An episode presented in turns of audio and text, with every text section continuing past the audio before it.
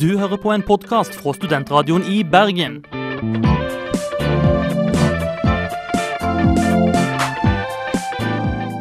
Denne og mange andre flotte podkaster finner du på podkast.srib.no.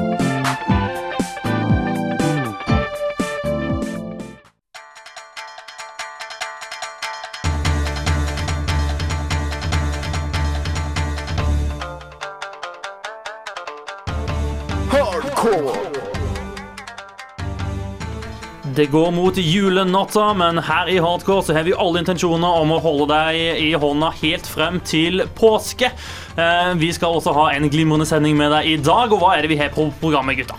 Eksempel så skal vi innom Video Game Awards, som har gått av stabelen i helga. Og dere skal få høre om alle de spillene som ble annonsert der. Blant annet skal dere få høre hvorfor vi tror at BioWare er på vei til helvete. Og vi skal OK, mitt uh, frimodige eh, mening, det får tilbake til det. Og dere skal også få høre hva vi synes om Super Mario Land til 3DS. Masse spillsnacks å få med seg. Mitt navn er Marius Jammo. Mitt navn er Johan Lavrans Greif. Og mitt navn er Vegard Flobakk.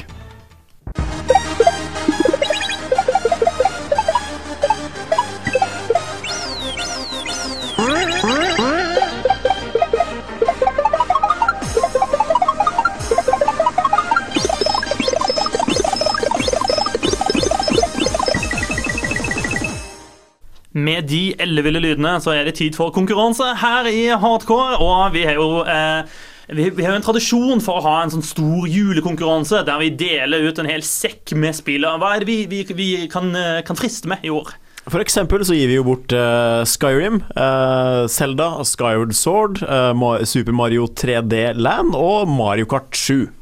Og den Zelda-utgaven er spesial Collectors Edition med gullbelagt eh, WeMote og full pakke. Den er ikke åpna engang, så syns du den slags er gøy, for all del, ta kontakt. Hva er det vi spør om? Ja, for det vi spør om er egentlig ganske enkelt. Hva syns du om hardcore? Vi er rett og slett ute etter litt feedback. Vi legger jo planer hvordan vi skal gjøre programmet til neste semester og slikt. Og da vil vi gjerne høre fra dere, kjære lyttere, hva dere syns om oss, og hva vi kanskje kan forbedre eller gjøre annerledes.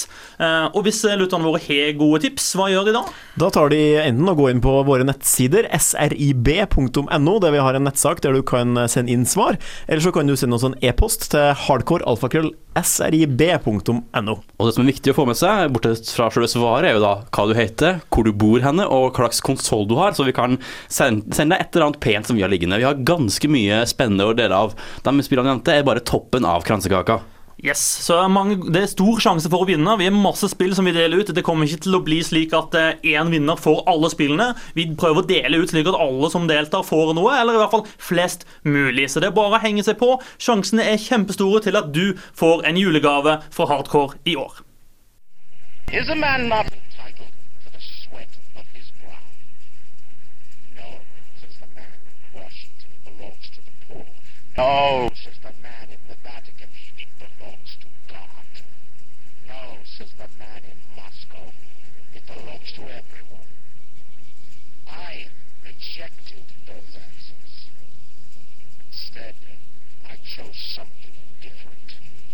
I chose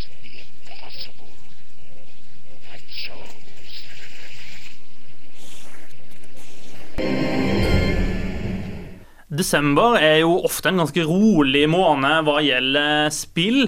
Eh, De fleste ting har allerede kommet ut sånn i god tid før julesalget, men en av de tingene som skjer, er eh, at en deler ut priser opp, ned og i mente for de beste spillene som har vært og slikt. eh, Du har også en Video Game Awards som har vært, men kanskje enda mer interessant enn hvilke, hvem, hvilke spill som får hvilke priser, er jo at Video Game Awards også brukes som en slags forum for å eh, annonsere nye spill. Det er i hvert fall det vi syns er langt mer spennende enn å vite hvem en gruppe amerikanere synes om eh, beste skytespill. Det tar under eh, veiledende eh, opplysninger. Derimot så har gode gamle guttene i Naughty Dog, altså den som er kjent fra eh, Uncharted? Uncharted, beklager. Ja. De har vist fram et nytt spill, The Last of Us, Uh, som er en sånn slags zombie survival ut fra det lille vi har sett. De har bare vist en, en trailer, men det handler da om en, om en mann og en dame som overlever i en verden fullt av noen zombielignende monstre. Ja, En litt mer moderne variant enn zombier, som springer fort og er, er ganske fæle. Sånn sett ikke den gammeldags, eh, tregtgående, lettlurte typen. Ja, dette her er Det, føyer seg jo litt i en rekke, da. Føler jeg. Altså, det er jo en liten trend som går, dette her med postapokalypse med apokalypse eh, og eh, zombier og slike ting. Eh, Det går jo nå både i Det har vært i spill lenge, og, og TV-serier, filmer tar det opp. Er det noe som du føler skiller seg ut her, Johan? Nei, egentlig ikke. Det så, det så jo Det blir sikkert et ok spill, det så, men det så ikke noe sånn veldig sånn spesielt ut. Det gjorde det ikke. Um, uh, jeg er veldig spent på mekanikken, åssen det blir. Da, for i, i, i traileren så er det jo uh, en uh, eldre, litt eldre mann og ei uh, ganske ung jente som er de to han som liksom har overlevd da, i det spillet. Og så er jo han som står bak det, er han sammen som laga 'Enslaved', 'Odyssey to the West'. Og det så veldig ut sånn, da. Så det, skjer, det er ikke så grått og trist, kanskje, som den vanlige apokalypsen. Det er litt mer, litt mer farga og litt mer sånn naturfylt apokalypse. Ja, bare for å inn at jeg, jeg digger postapokalypse. Kan gjerne komme med hundrevis med spill og filmer. Jeg digger det så utrolig, så jeg gleder meg stort. Eh, Det jeg er spent på, er om de klarer å lage en litt spennende, engasjerende historie. Når det er to karakterer og spillet skal fokusere rundt, så legger de opp til en litt mer spennende historiefortelling. Håper jeg i hvert fall. da. Eh, Nå har jeg jo blitt skuffa før, så Er også, også spennende å se da, om, de, om de legger opp til at det skal være en ren eh, co-op, tospilleropplevelse, eller, eller hvordan de gjør det. Vi har jo sett spill tidligere der det er to hovedkarakterer, men der du allikevel bare får styre én av de. Eh, dette skal jo være et PlayStation 3-eksklusivt spill, og det er vel omtrent det eneste harde faktaen vi har om spillet, og alt annet blir spekulasjon ut ifra traileren som ble vist, som du kan finne på all verdens nettside ute akkurat nå. Men eh, fikk dere noe inntrykk? Hva, hva, hva håper dere da at det skal bli? Uh, nei, historien er nok kanskje det som kan være mest spennende. Det er jo kanskje der de har mest å gå på, um, det studioet. Uh, Uncharted er jo for alle, det er jo en, en, en spennende historie, men uh, kanskje den kan utvikle seg enda litt mer på det området. Men jeg tror faktisk den kan skape en del spennende miljøer også. For det, du, du ser et lite klipp fra gatene utendørs i byen her, og de er overgrodd. Uh, Sko, naturen har tatt byen tilbake, liksom. Litt sånn I Am Legend, for han som husker den minneverdige filmen. hvor, hvor de er liksom New York er igjen eh, fullt med eh, trær og gress og alt det slags. Så det, det kan skape en artig dynamikk en artig blanding fra villmarksliv og inn i hus og ut i villmarken igjen. Ja, Så kanskje vi får en litt mer sånn realistisk eh, enslaved på et vis, rett og slett. da. At han tar den der med liksom forfallen skjønnhet og setter zombier og ordentlige mennesker i det. Og Realistisk, sa du? Eh, Ja, det vil jeg altså, Til en viss grad. altså De ikke går helt fantasy. Ja Eh, men eh, fra et nytt spill til et annet. Det var flere som ble annonsert. Og det skal komme nytt Command and Conquer Generals. Eh, Du, Vegard, er jo en gammel strategifantast. Eh, Hva tenker du om dette? Eh, For det første så er jeg ikke så altfor stor på Command Conquer-serien. Det må jeg bare innrømme med en gang, så at eh, ingen har noen falske forhåpninger om hva jeg mener med det. Eh, Men nå er jeg egentlig litt lei av hele serien. Eh, Siste Command Conquer 4, Tiberium et eller annet, var jo en virkelig forglemmelig affære. Red Alert 3 var betraktelig bedre, men likevel ikke en så stor høydere som tidligere spill har vært. Eh, Jeg er ikke helt sikker hva jeg forventa av Generals eh, 2. Generals 1 kom jo i 2003 og har heller ikke vært huska som det største av spill noensinne. Eh, Men det som er interessant her, er at det er BioWare. Ja, det er jo eh, Ja, altså, hva skal en si om det? det er, for, for det er jo ikke BioWare. Nei, det er en sannhet med modifikasjoner. Ja, for det, det er jo blitt seg sånn at eh, en gang eh, så var det bare BioWare eh, i skapelsesberetningen. Eh, nå er det åtte eh, studioer som heter BioWare under Electronic Arts-paraplyen, og de blir stadig flere. av det da BioWare Victory som skal lage dette, og eh, det firmaet har ikke lagt noen tidligere BioWare-spill noen gang. Så hvorfor kalle en det da for BioWare? Fordi BioWare har et bra navn og et godt rykte. Og det ønsker en å gjøre hva med, tenker jeg da. Ødelegge. Ja. Eh, Er det, er det markedsstrategien til Du er jo en Du er utdanna ved BI, Johan. Eh, Er dette markedsstrategi eh, fra øverste hullet? Nei, jeg, syns det virker veldig rart, fordi altså, det er jo dem som Hvem som lager spillet, er det jo kun vi gamere som bryr oss om. Og vi, og vi vet jo at det ikke er BioWare. Eh, Ordentlig og- BioWare. Det var ordentlig, ordentlig BioWare. Og, og altså, folk som ikke er så oppdatert på det, de, de bryr seg jo ikke om det. Så jeg, jeg kan liksom ikke se hva de har å, å tjene på det. Da kunne jeg bare kalt det noe helt annet, eller EA en by, eller et eller annet sånt, istedenfor å bruke BioWare. Det virker veldig rart. Jeg Bare for å sammenligne, hva, hva om Activision har begynt å omdøpe alle sine understudier til Blizzard? Ditt og Blizzard Dot? Fordi Blizzard er et jævlig stort navn, og så bare kaller de alt for Blizzard. Det har vært kjempefascinerende. Jeg hvis de hadde norsk Men det er akkurat det de gjør med BioWare. Ja, kjemperart. Det kunne bli sånn Blizzard Namsos og sånn. Det det har vært kjempefint. Jeg tror ikke vi skal ha for store forhåpninger om at det blir store spillfirma i Namsos eh, med det første. Men vi kan i hvert fall eh, se frem til Command and Conquer Generals 2. Forhåpentligvis blir det bra, selv om det er tøyse, tøyse BioWare som eh, lager det.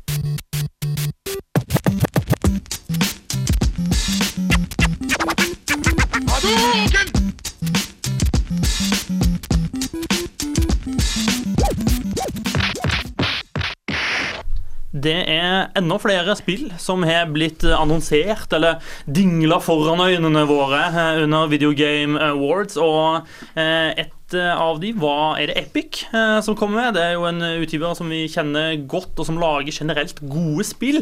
Gears of War, for eksempel. For for eksempel Unreal.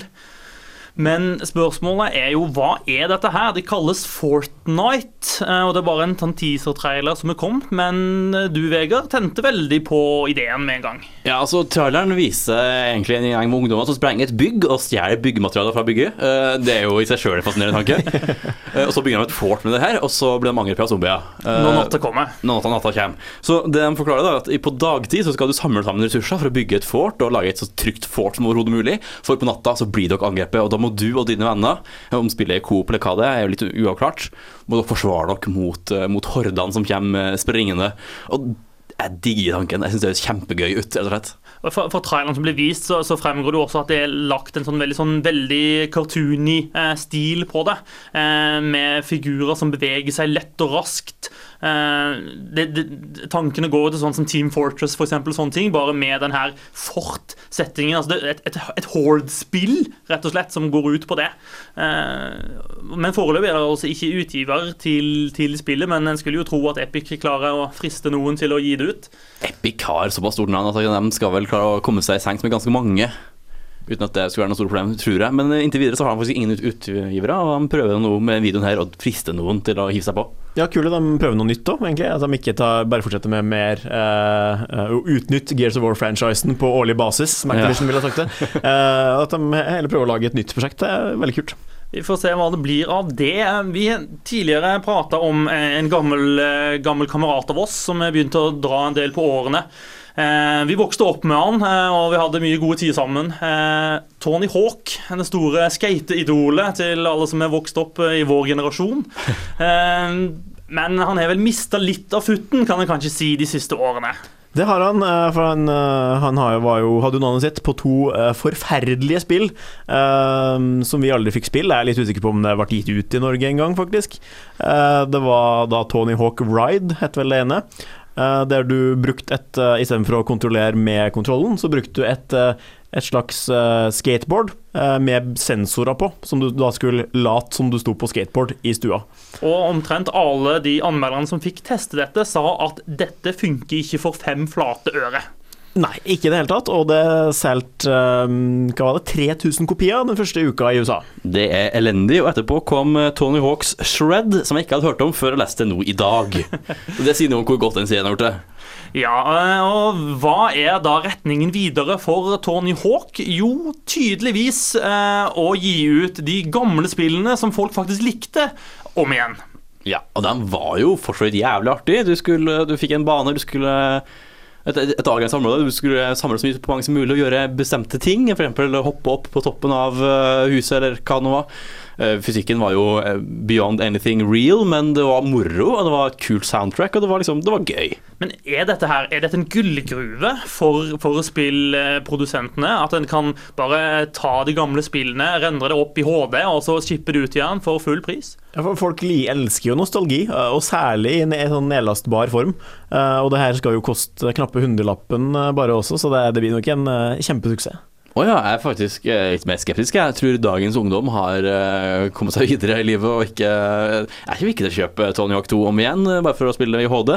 Min, min, min erfaring med disse tingene er jo faktisk som, som Johan sier, at det har den der nostalgifølelsen som gjør at ja, det er tilgjengelig nedlastbart for ikke altfor mye penger, så jeg kjøper det. Og så spiller jeg det en sånn halv time, og så spiller jeg det aldri igjen. Men ok, så den skal kun basere seg på at en tredjedel vil jeg si da, av den gamle brukerbasen skal kjøpe det om igjen? Har de noe nytt publikum som kan tiltrekkes av et eh, hva er det, 15 år gammelt spill? Eller hvor gammelt er det? Ti år? Ja, over ti år. Uh, nei, jeg tror jaggu meg ikke det kan tiltrekke seg særlig mange nye. Uh, spesielt med Tony Hawk fikk jo en, eh, en konkurrent etter hvert på skatemarkedet også, som, som gjorde at uh, skatesjangeren i seg sjøl endra seg en god del eh, ifra det den var med de første Tony Hawk-spillene. Så ja, jeg, jeg tror ikke vi skal ha for store forhåpninger til eh, eh, at det kommer til å blomstre opp en vanvittig ny Tony Hawk-interesse på bakgrunn av de to HD-releasene. You hear that? What the hell's that sound? It's just the wind. Yeah, right. When's the last time the wind said hostiles to you? Oh, shit. Looks like they upgraded. They're called Theron Guards. You think they know what we're doing? Well, we're not here to sell cookies, so they know something's up. Du, Johan, har også tilbringt tida med å gjøre andre ting enn å selge småkaker. Eh, Du har spilt eh, spill. Eh, Hva er det du har spilt? Super Mario! Som vanlig, holdt jeg på å si. Ja. Mm, Super Mario 3D Land, for å være mer eksakt, ja, Nintendo 3DS. Hvordan opplevde du det? Det var kjempegøy, faktisk. Jeg har aldri vært noen sånn særlig håndholdt, uh, håndholdt gamer i det hele tatt, egentlig. Men det, det var skikkelig hektende. De har klart å bringe tilbake den der um, fantastiske Super Mario 3-følelsen. Altså det, uh, det går tilbake til det at uh, hvert brett har en start og en slutt. Det er ikke sånn at du skal gå og samle fem-seks stjerner på hvert brett. Isteden så går du fra A til B, og så er brettet ferdig. Akkurat som i de, de gode, gamle Mario- Mario-spillene til NES og Super Nintendo. Så det er en øvelse i nostalgi nok en gang. Har du noe særlig mye nytt å by på? Ja, eh, det har de i motsetning til, til New Super Mario Bros, som bare var melking. Eh, så altså er det her Det føles mer som en Litt som med Super Mario Galaxy, det var en ny versjon av Mario i, i 3D. Så er det her en, en ny versjon av uh, Mario i 3D på, på håndholdt.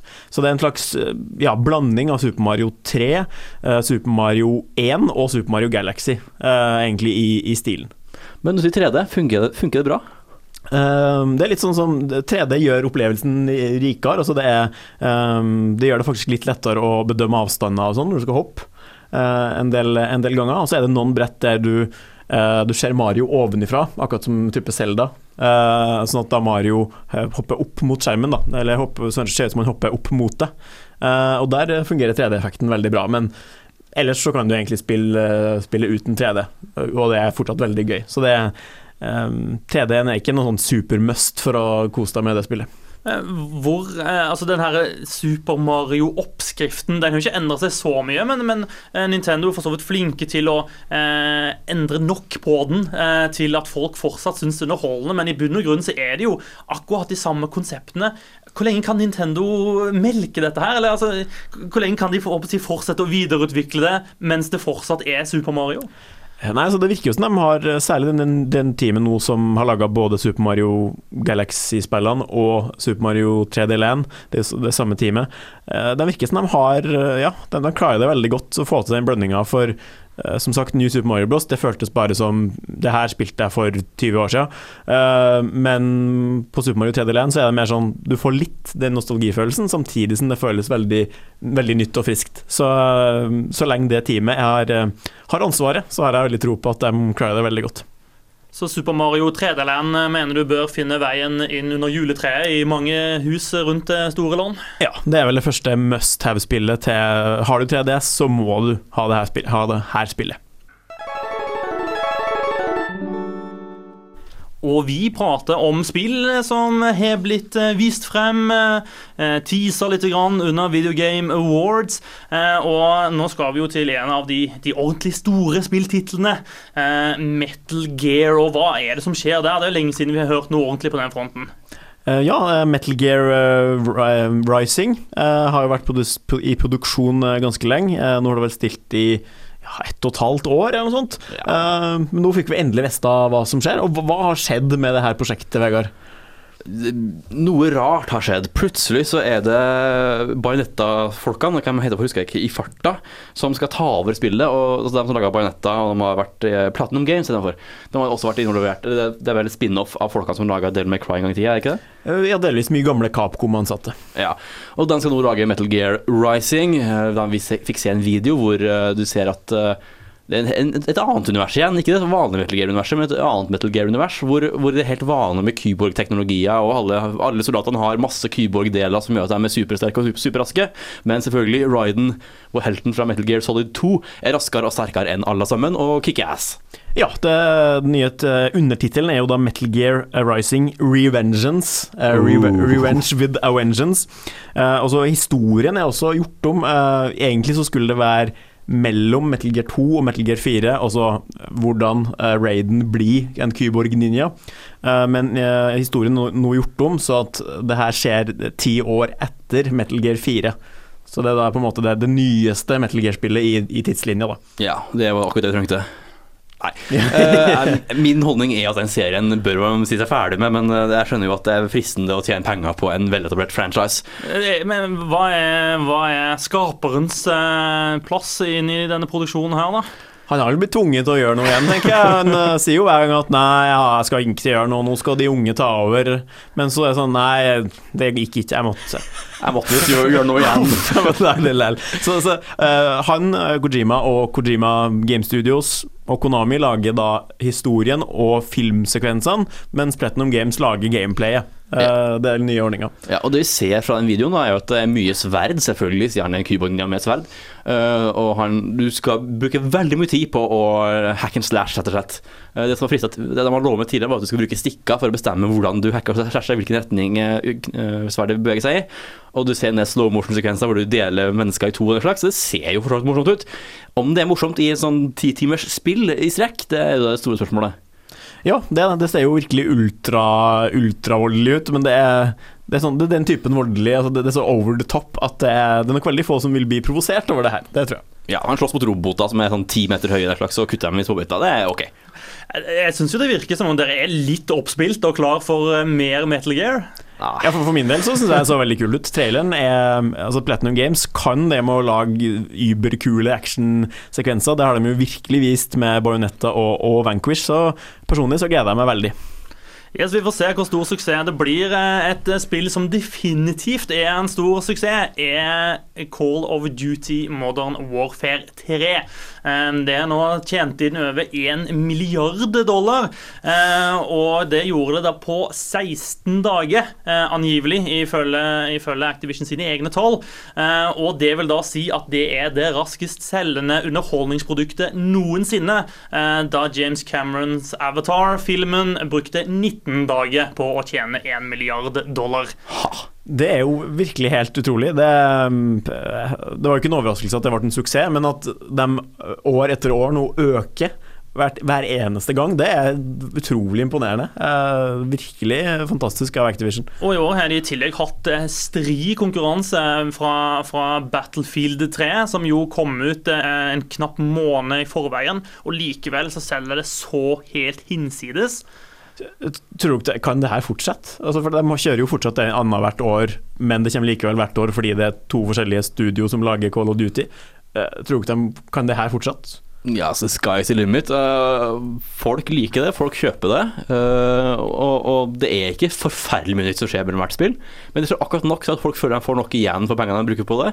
Og så har det også blitt en sånn event-greie. Det er noe med det å delta i det å spille et nytt Modern Warfare idet det kommer ut. Du skal være med den første uka, første måneden. Da er det store greia, og da må du bruke penger med en gang. Og På mange måter så kan jeg jo kanskje sammenligne det med spill som ja, f.eks. Fifa. Mm. Det kommer jo ut hvert år. Eh, det er gøy å spille det litt alene, men hovedsakelig så spiller du det sammen med andre.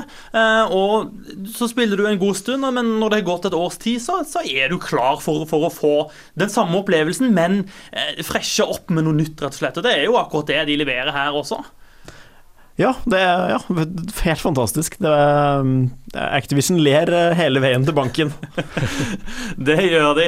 Eh, vi skal nå spille for dere siste episode i dokumentarserien som vi har hatt gående her i Hardcore, som vi har kalt så pent digital kultur nå og i fremtida. Og hva er det vi skal få høre i den siste episoden, Johan? Vi skal få høre en, en oppsummering av hva vi har lært i løpet av denne dokumentarserien eh, i de, de fem foregående episodene. Ordentlig South Park moment. uh, We learned something today.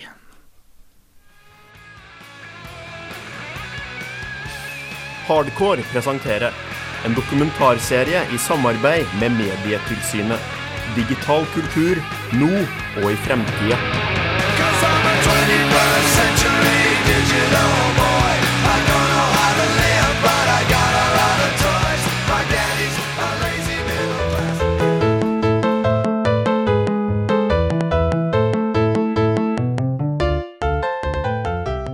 Gjennom denne dokumentarserien har vi sett på mange aspekter av den digitale kulturen. I første episode hadde vi en gjennomgang av dataspillenes historie. Det som først kunne ligne på spill, oppsto på superdatamaskiner på 50- og 60-tallet. De her maskinene fantes kun på universiteter og forskningslaboratorier. Men etter at mikroprosessoren fant sin vei ut på markedet, ble det mulig å gjøre spill mer tilgjengelig. Arkadehallene oppsto, og Atari gjorde spill til allemannsinteresse. En kjedereaksjon av uheldige omstendigheter gjorde at folk mista interessen for dataspill tidlig på 80-tallet, og bransjen fikk seg en solid knekk. Arkadehallene døde mer eller mindre ut, men Nintendo og et voksende PC-marked gjorde at spillinteressen skulle blusse opp igjen, nå som hjemmeunderholdning. Den siste banebrytende innovasjon kom med internett, og mulighetene det her ga til å spille sammen med andre. Vi spurte et knippe spilleksperter om deres tanker rundt ulike trender som vi ser i spillbransjen i dag. Forfatter Tristan Donovan var skeptisk til framtida for trenden motion control. there, there hasn't been much of an evolution of motion control gaming since the Wii came along in 2006. I mean, the, if you go back to the games then some of the stuff that comes out now, no one's really done anything that creative with it. Um, which does make me wonder where it goes next. Um, you know, is it a bit of a fad and a creative dead end? Um, you know, if you can't, if people aren't really coming up with brand new ideas to do with this, then you know what long-term future is there for it? Jim River og Chris Avalone fra Obsidian er mer positive til fremtida for bevegelseskontroll. I love it. I think it's, I think it's the next step, and I think the fact that you can just stand computer and can track your movements, and I think I think that's that's where games are just going to go. I mean, like that's that's the that makes it's logical sense. where you can really fight. I mean, I, I mean, wha- what's what's more fun? You know, just using the controller, or actually just sitting there and actually like going through the motions. That's that's just natural. One, one's obviously more fun than the other. But, but, but do you think we're, we're um, we'll actually get there? Oh sure. Oh, yeah. Yeah, until you know, I'm, the the end result is the Star Trek holodeck. Like that's it, and, that, and that's where everything. Or going. wet wired. You can just plug in. That could be. oh, true. Yeah, you wouldn't even have to do anything. To be even lazier. yeah, that's that's probably that's probably more it. En annen trend som så vidt har begynt å manifestere seg, er streaming av spill, også kjent som cloud gaming. Dette vil si at du ikke lenger har det fysiske spillet, eller spillmaskinen hjemme hos deg, men at det spilles av, litt som et YouTube-klipp. I think the big thing is going to be um, cloud gaming, um, bit like services like OnLive. Um, that, that's definitely where it's heading. Um, whether on live is a whole other story, but you know the idea that you don't need to buy hardware to have at home. That there's a some service that streams games to you, and you just play them. And you, maybe the only bit of hardware you need to control. I can definitely see that happening. Spillforsker Jørgen Kirksæter peker på en del av utfordringene som må rettes opp før man kan ta denne teknologien ordentlig i bruk. Jeg er usikker på om vi per akkurat nå har teknologien eh, klar til å gjøre det helt, eh, helt godt. Eh, for det kreves jo at du er online rimelig konstant. I Norge så er vi jo i ferd med å bli det, men altså, hva om du har lyst til å spille når nettlinja di er nede? hva blir det du står da og banner? Men det, på den annen side så kan det seg at det der er ting som den jevne forbruker egentlig ikke bryr seg om. Og sier at ok, det virker ikke i dag. Jeg bryr meg om det. Eh, Jeg, jeg blir jo irritert eh, over, over at jeg er nødt til å være online for å sette i gang med et PC-spill også. Det er jo det vi ser rundt oss. At så lenge du har produktet, så lenge det virker, så gidder ikke folk å krangle om det småtingene. Det, er jo fordelen med de fleste konsollspill også. Du putter dingsen inn i boksen din, og så funker det. Eller du trenger ikke å putte i en, putte en plate engang. Eh, Så lenge boksen er kobla til, til nettet, så har du den nedlasta spillene dine klar. Så det bare virker. Blant de ulike samfunnskontroversene som dataspill har skapt, så er vold klart det mest omtalte. Tristan Donovan mener at politikerne sin skepsis til voldelige spill faktisk førte til at flere voldelige spill ble produsert. I think in terms of the history of games, um, the US Senate hearings are- in 1993 that happened after Mortal Kombat are probably the most important. Um, what resulted from there was the introduction of age ratings sort of for video games in the US. It was it wasn't a compulsory system; it was a optional one adopted by the industry. But and I'm sure the senators didn't want this to happen. But what it actually did was allow the industry to go, well, now we've got an age rating, we can make a game aimed at people who are 18 and over. We don't have to make a game for everyone. And so, where before they used to be quite cautious about making games with violence, it kind of actually helped them go go out and make games with, you know, more content that isn't suitable for children. So, you know, it kind of opened the doors in an odd sense for more violent games, um, which I'm sure the Senate didn't have in mind. But, um, you know, it, it meant the industry felt confident because it could always point to an age rating and go, well, it says 18 on the box, you might have bought it for your nine-year-old, but, you know, we did warn you. En vanlig misoppfatning er at all dataspill er ment for barn. Dette er rett og slett ikke tilfellet. Jim Rivers, som er community manager i Obsidian, forteller at det er vanskelig å få foreldre til å forstå det her. Uh, like at one of the trade shows we were at, uh, it was kind of a general population show. So like you were allowed to, there were kids running around, and uh, it was the first time we'd had Fallout New Vegas out, and it said perfectly up there in big letters, you know, this is you know rated mature, you know, or what did we have? Was it a 17 or was it a you know 15 and above or whatever it was?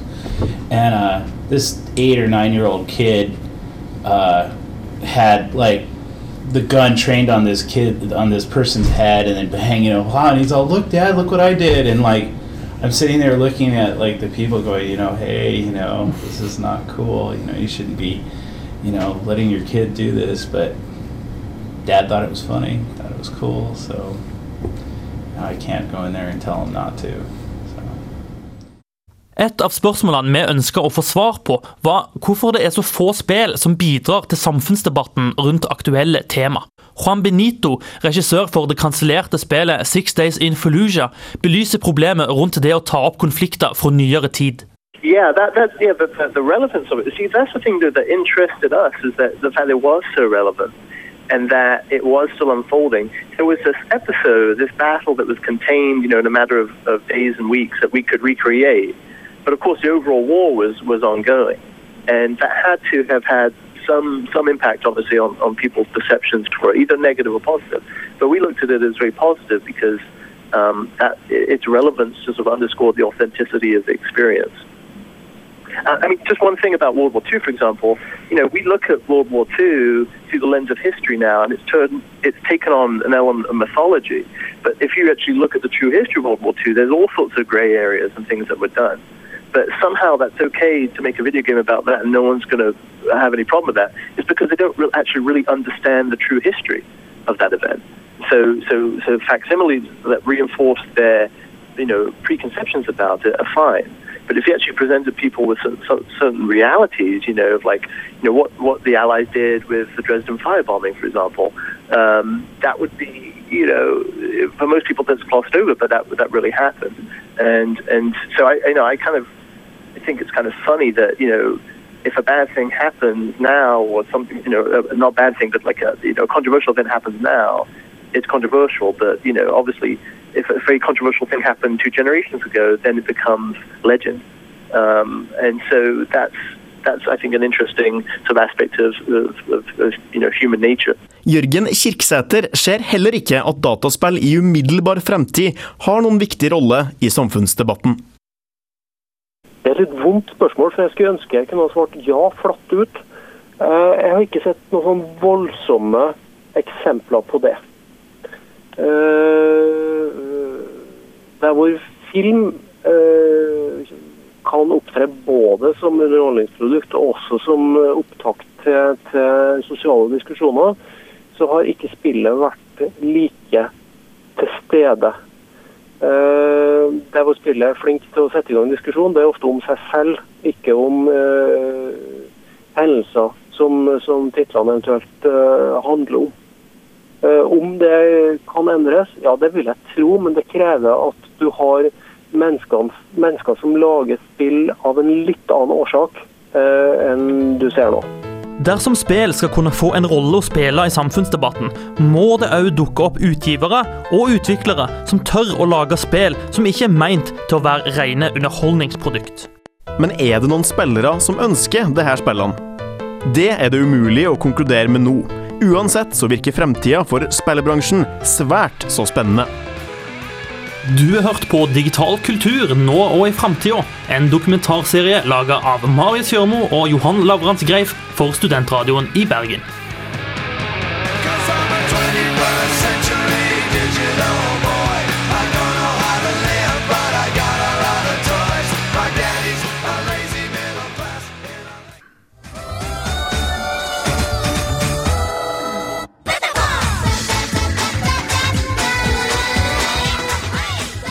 Hvis noe er rart og japansk, da finner du det i hardcore.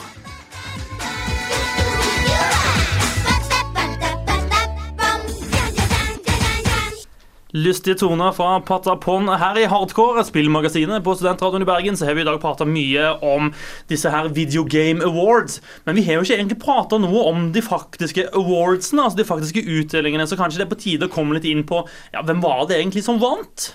Naturlig sted å begynne er jo Game of the Year, den store, den gjeveste prisen som er å få. Og det var hele fem nominerte. Batman Arkham City, Elder Scrolls 5 Skyrim, The Legend of Zelda Skyward Sword, Portal 2 og Uncharted 3 Drakes Deception. Og Før vi avslører hvem som vant, hva, hvem syns vi burde vinne? Um, for min del så blir det nok Portal 2. Det, det var helt fantastisk, syns jeg. Og særlig at de hadde med den fantastiske Coop-delen, der du kunne spille eh, to stykker sammen gjennom noen fantastiske gåter. Så det er Portal 2, definitivt. Nå har jeg ikke spilt Uncharted 3 eller Legend of Zelda, eh, men av de tre andre, Batman, Skyrim og Portal 2, så er det ganske så dødt løp. Det er vanskelig å si at det ene spillet er bedre enn det andre, men kanskje Skyrim tar en knapp seier. For meg, eh, helt soleklart eh, Elder Scrolls 5 Skyrim. Eh, ingen tvil. Eh, på tross av at når det gjelder Uncharted 3, så har jeg kun spilt flerspillerdelen av det. Eh, det ligger hjemme og venter på meg, men eh, fordi at jeg har Skyrim, så har Uncharted 3 blitt liggende og vente. Ja, Skyrim tar opp veldig mye tid i min hverdag nå til dagen, så det må sies. Og kanskje pga. at Skyrim vant den, så vant også Betesta Studio of the Year. Eh, Studio of the Year sto jo da også mellom Bethesda, som har lagd Skyrim, Naughty Dog, eh, som har lagd Uncharted, Rocksteady, som har lagd Batman og Arkham City, og Valve, som har lagd Portal 2. Så det var egentlig de samme som kjempa mot hverandre. Bethesda stakk av eh, igjen. En eh, annen piece vi kan nevne, er jo eh, en som var relativt, selvfølgelig, det beste vi i spillet. Uh, Tipp to én gang, da. Uh, det kan ha vært uh, Legend of Zelda Skyward Sword som stakk av med den, uh, den tittelen. Ja. For det er de, de spillene vi har nevnt som var nominert til eh, Game of the Year, det er stort sett de som raker, sa- raker hjem prisene eh, på beste Wii-spill, beste PS3-spill, beste Xbox-spill, beste grafikk osv. Mm. Eh, men du har jo også spill da som kommer litt sånn fra eh, Litt nedenfra, og ikke fra de store utviklerne. Ja, så det beste nedlastbare spill, da var det, står det mellom eh, Bastion, Insanely Twisted, Shadow Planet, Stacking og eh, Trenched. Jeg har faktisk spilt alle fire. Og at Bastion tok den, er jeg ikke overraska over, for Bastion er et fantastisk bra spill. Og det har også tatt prisen for eh, beste sang i et spill og beste soundtrack. Eh, Hva var Bastion, for dem som ikke husker det? Det kom i sommer til Xbox eh, Live Arcade, og har også kommet til andre plattformer etter hvert. Du, du farter rundt og bygger opp verden etter den har gått til helvete, i en sånn plattformspill omtrent. Du blir sett ovenfra ned litt Zelda-aktig sånn sett, da. Og du finner nye våpen, og du finner nye, nye ting. Men viktigst av alt, du har en forteller som beskriver det du gjør hele tida, og det skaper en veldig sjarmerende og unik setting som du ikke ser så mange andre plasser. Så velfortjent der. Eh, Da var den, ikke Best Independent Game, da var nominert, men selvfølgelig Minecraft måtte jo bli årets eh, independent spill.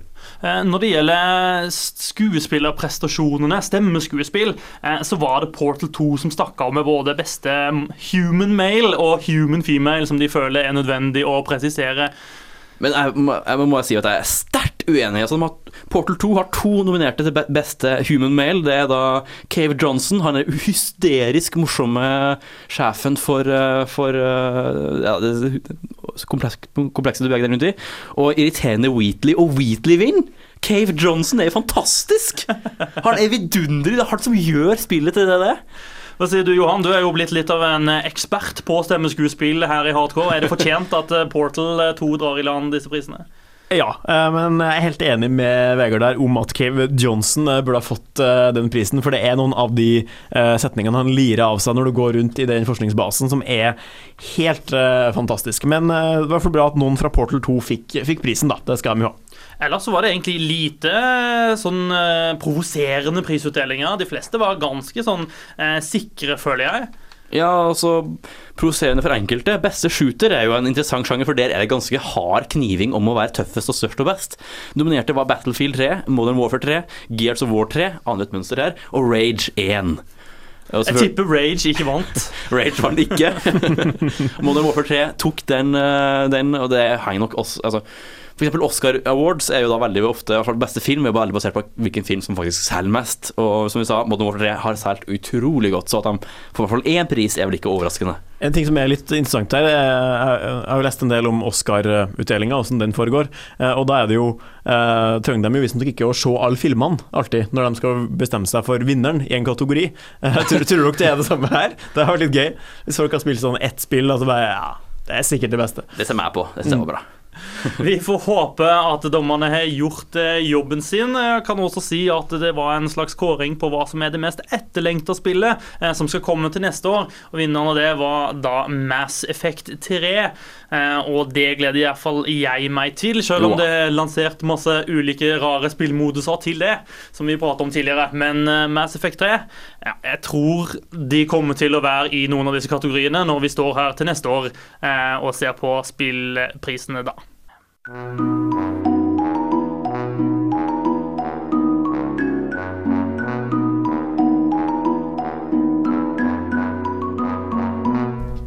nærmer oss avslutningen her i Hardcore. Først så må vi minne på den fantastisk flotte konkurransen vi har, der vi deler ut en sekk med spill eh, til mange lyttere. Altså et spill til mange lyttere. Eh, og det er lett å vinne. Hva må en gjøre for å bli med i trekningen? Vi spør ganske enkelt hva liker du med hardcore. Altså, gi oss litt feedback. Hva liker du, hva liker du ikke? Send oss en mail, fortell oss litt om det her. Eventuelt eh, send oss via konkurranseskjemaet vårt. Og du er med i trekninga mye fint. Kanskje ramse opp det først. Det er alltid artig å få vite hva man kan vinne. Skyrim, som vi jo har snakka mye om nå, eh, gir vi bort. Vi gir bort uh, Legend- Legend of Zelda Skyward Sword. Uh, vi har uh. Battlefield 3, eksempel. En veldig fin utgave. Vi har Super Mario 3D Land og Mario Kart 7, for eksempel. Ja, og masse annet fint som ligger og venter på å få nye eiere som kan behandle det bedre enn vi gjør her i radiokanalen vår. Så eh, send oss en e-post på hardcore-srib.no eller gå inn på nettsida vår, eh, srib.no, og finn nettsaken om eh, konkurransen. Der er det et konkurranseskjema som gjør alt bitte litt enklere. Og husk å få med navnet ditt, adressen hvor vi skal sende spillet, og hvilke konsoller du har, slik at vi faktisk får sendt deg et spill du kan bruke. Eh, Og vær så snill å delta. Vi har masse spill som vi ønsker å få delt ut til dere kjære lyttere. Sjansen er stor for å vinne, så her er det bare å gripe sjansen. Og det var egentlig det vi hadde å formidle. Vi kan love at eh, vi tar ikke julepause. Eh, Til neste uke så vil dere få høre eh, at vi oppsummerer spillåret som har vært. Og etter det så vil vi også se fremover eh, for spillåret som kommer. Eh, Så det er bare å henge med hver tirsdag klokka tolv på Studentradioen i Bergen. Hardcore forlater deg aldri. Vi som har stått i studio i dag, det er meg, Marit Kjørmo. Jo, er det meg, Johan Lavrans Greif? Og mitt navn er Vegard Flobakk.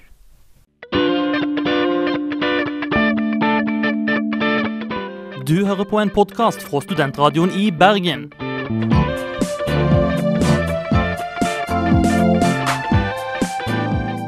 Denne og mange andre flotte podkaster finner du på podkast.srib.no.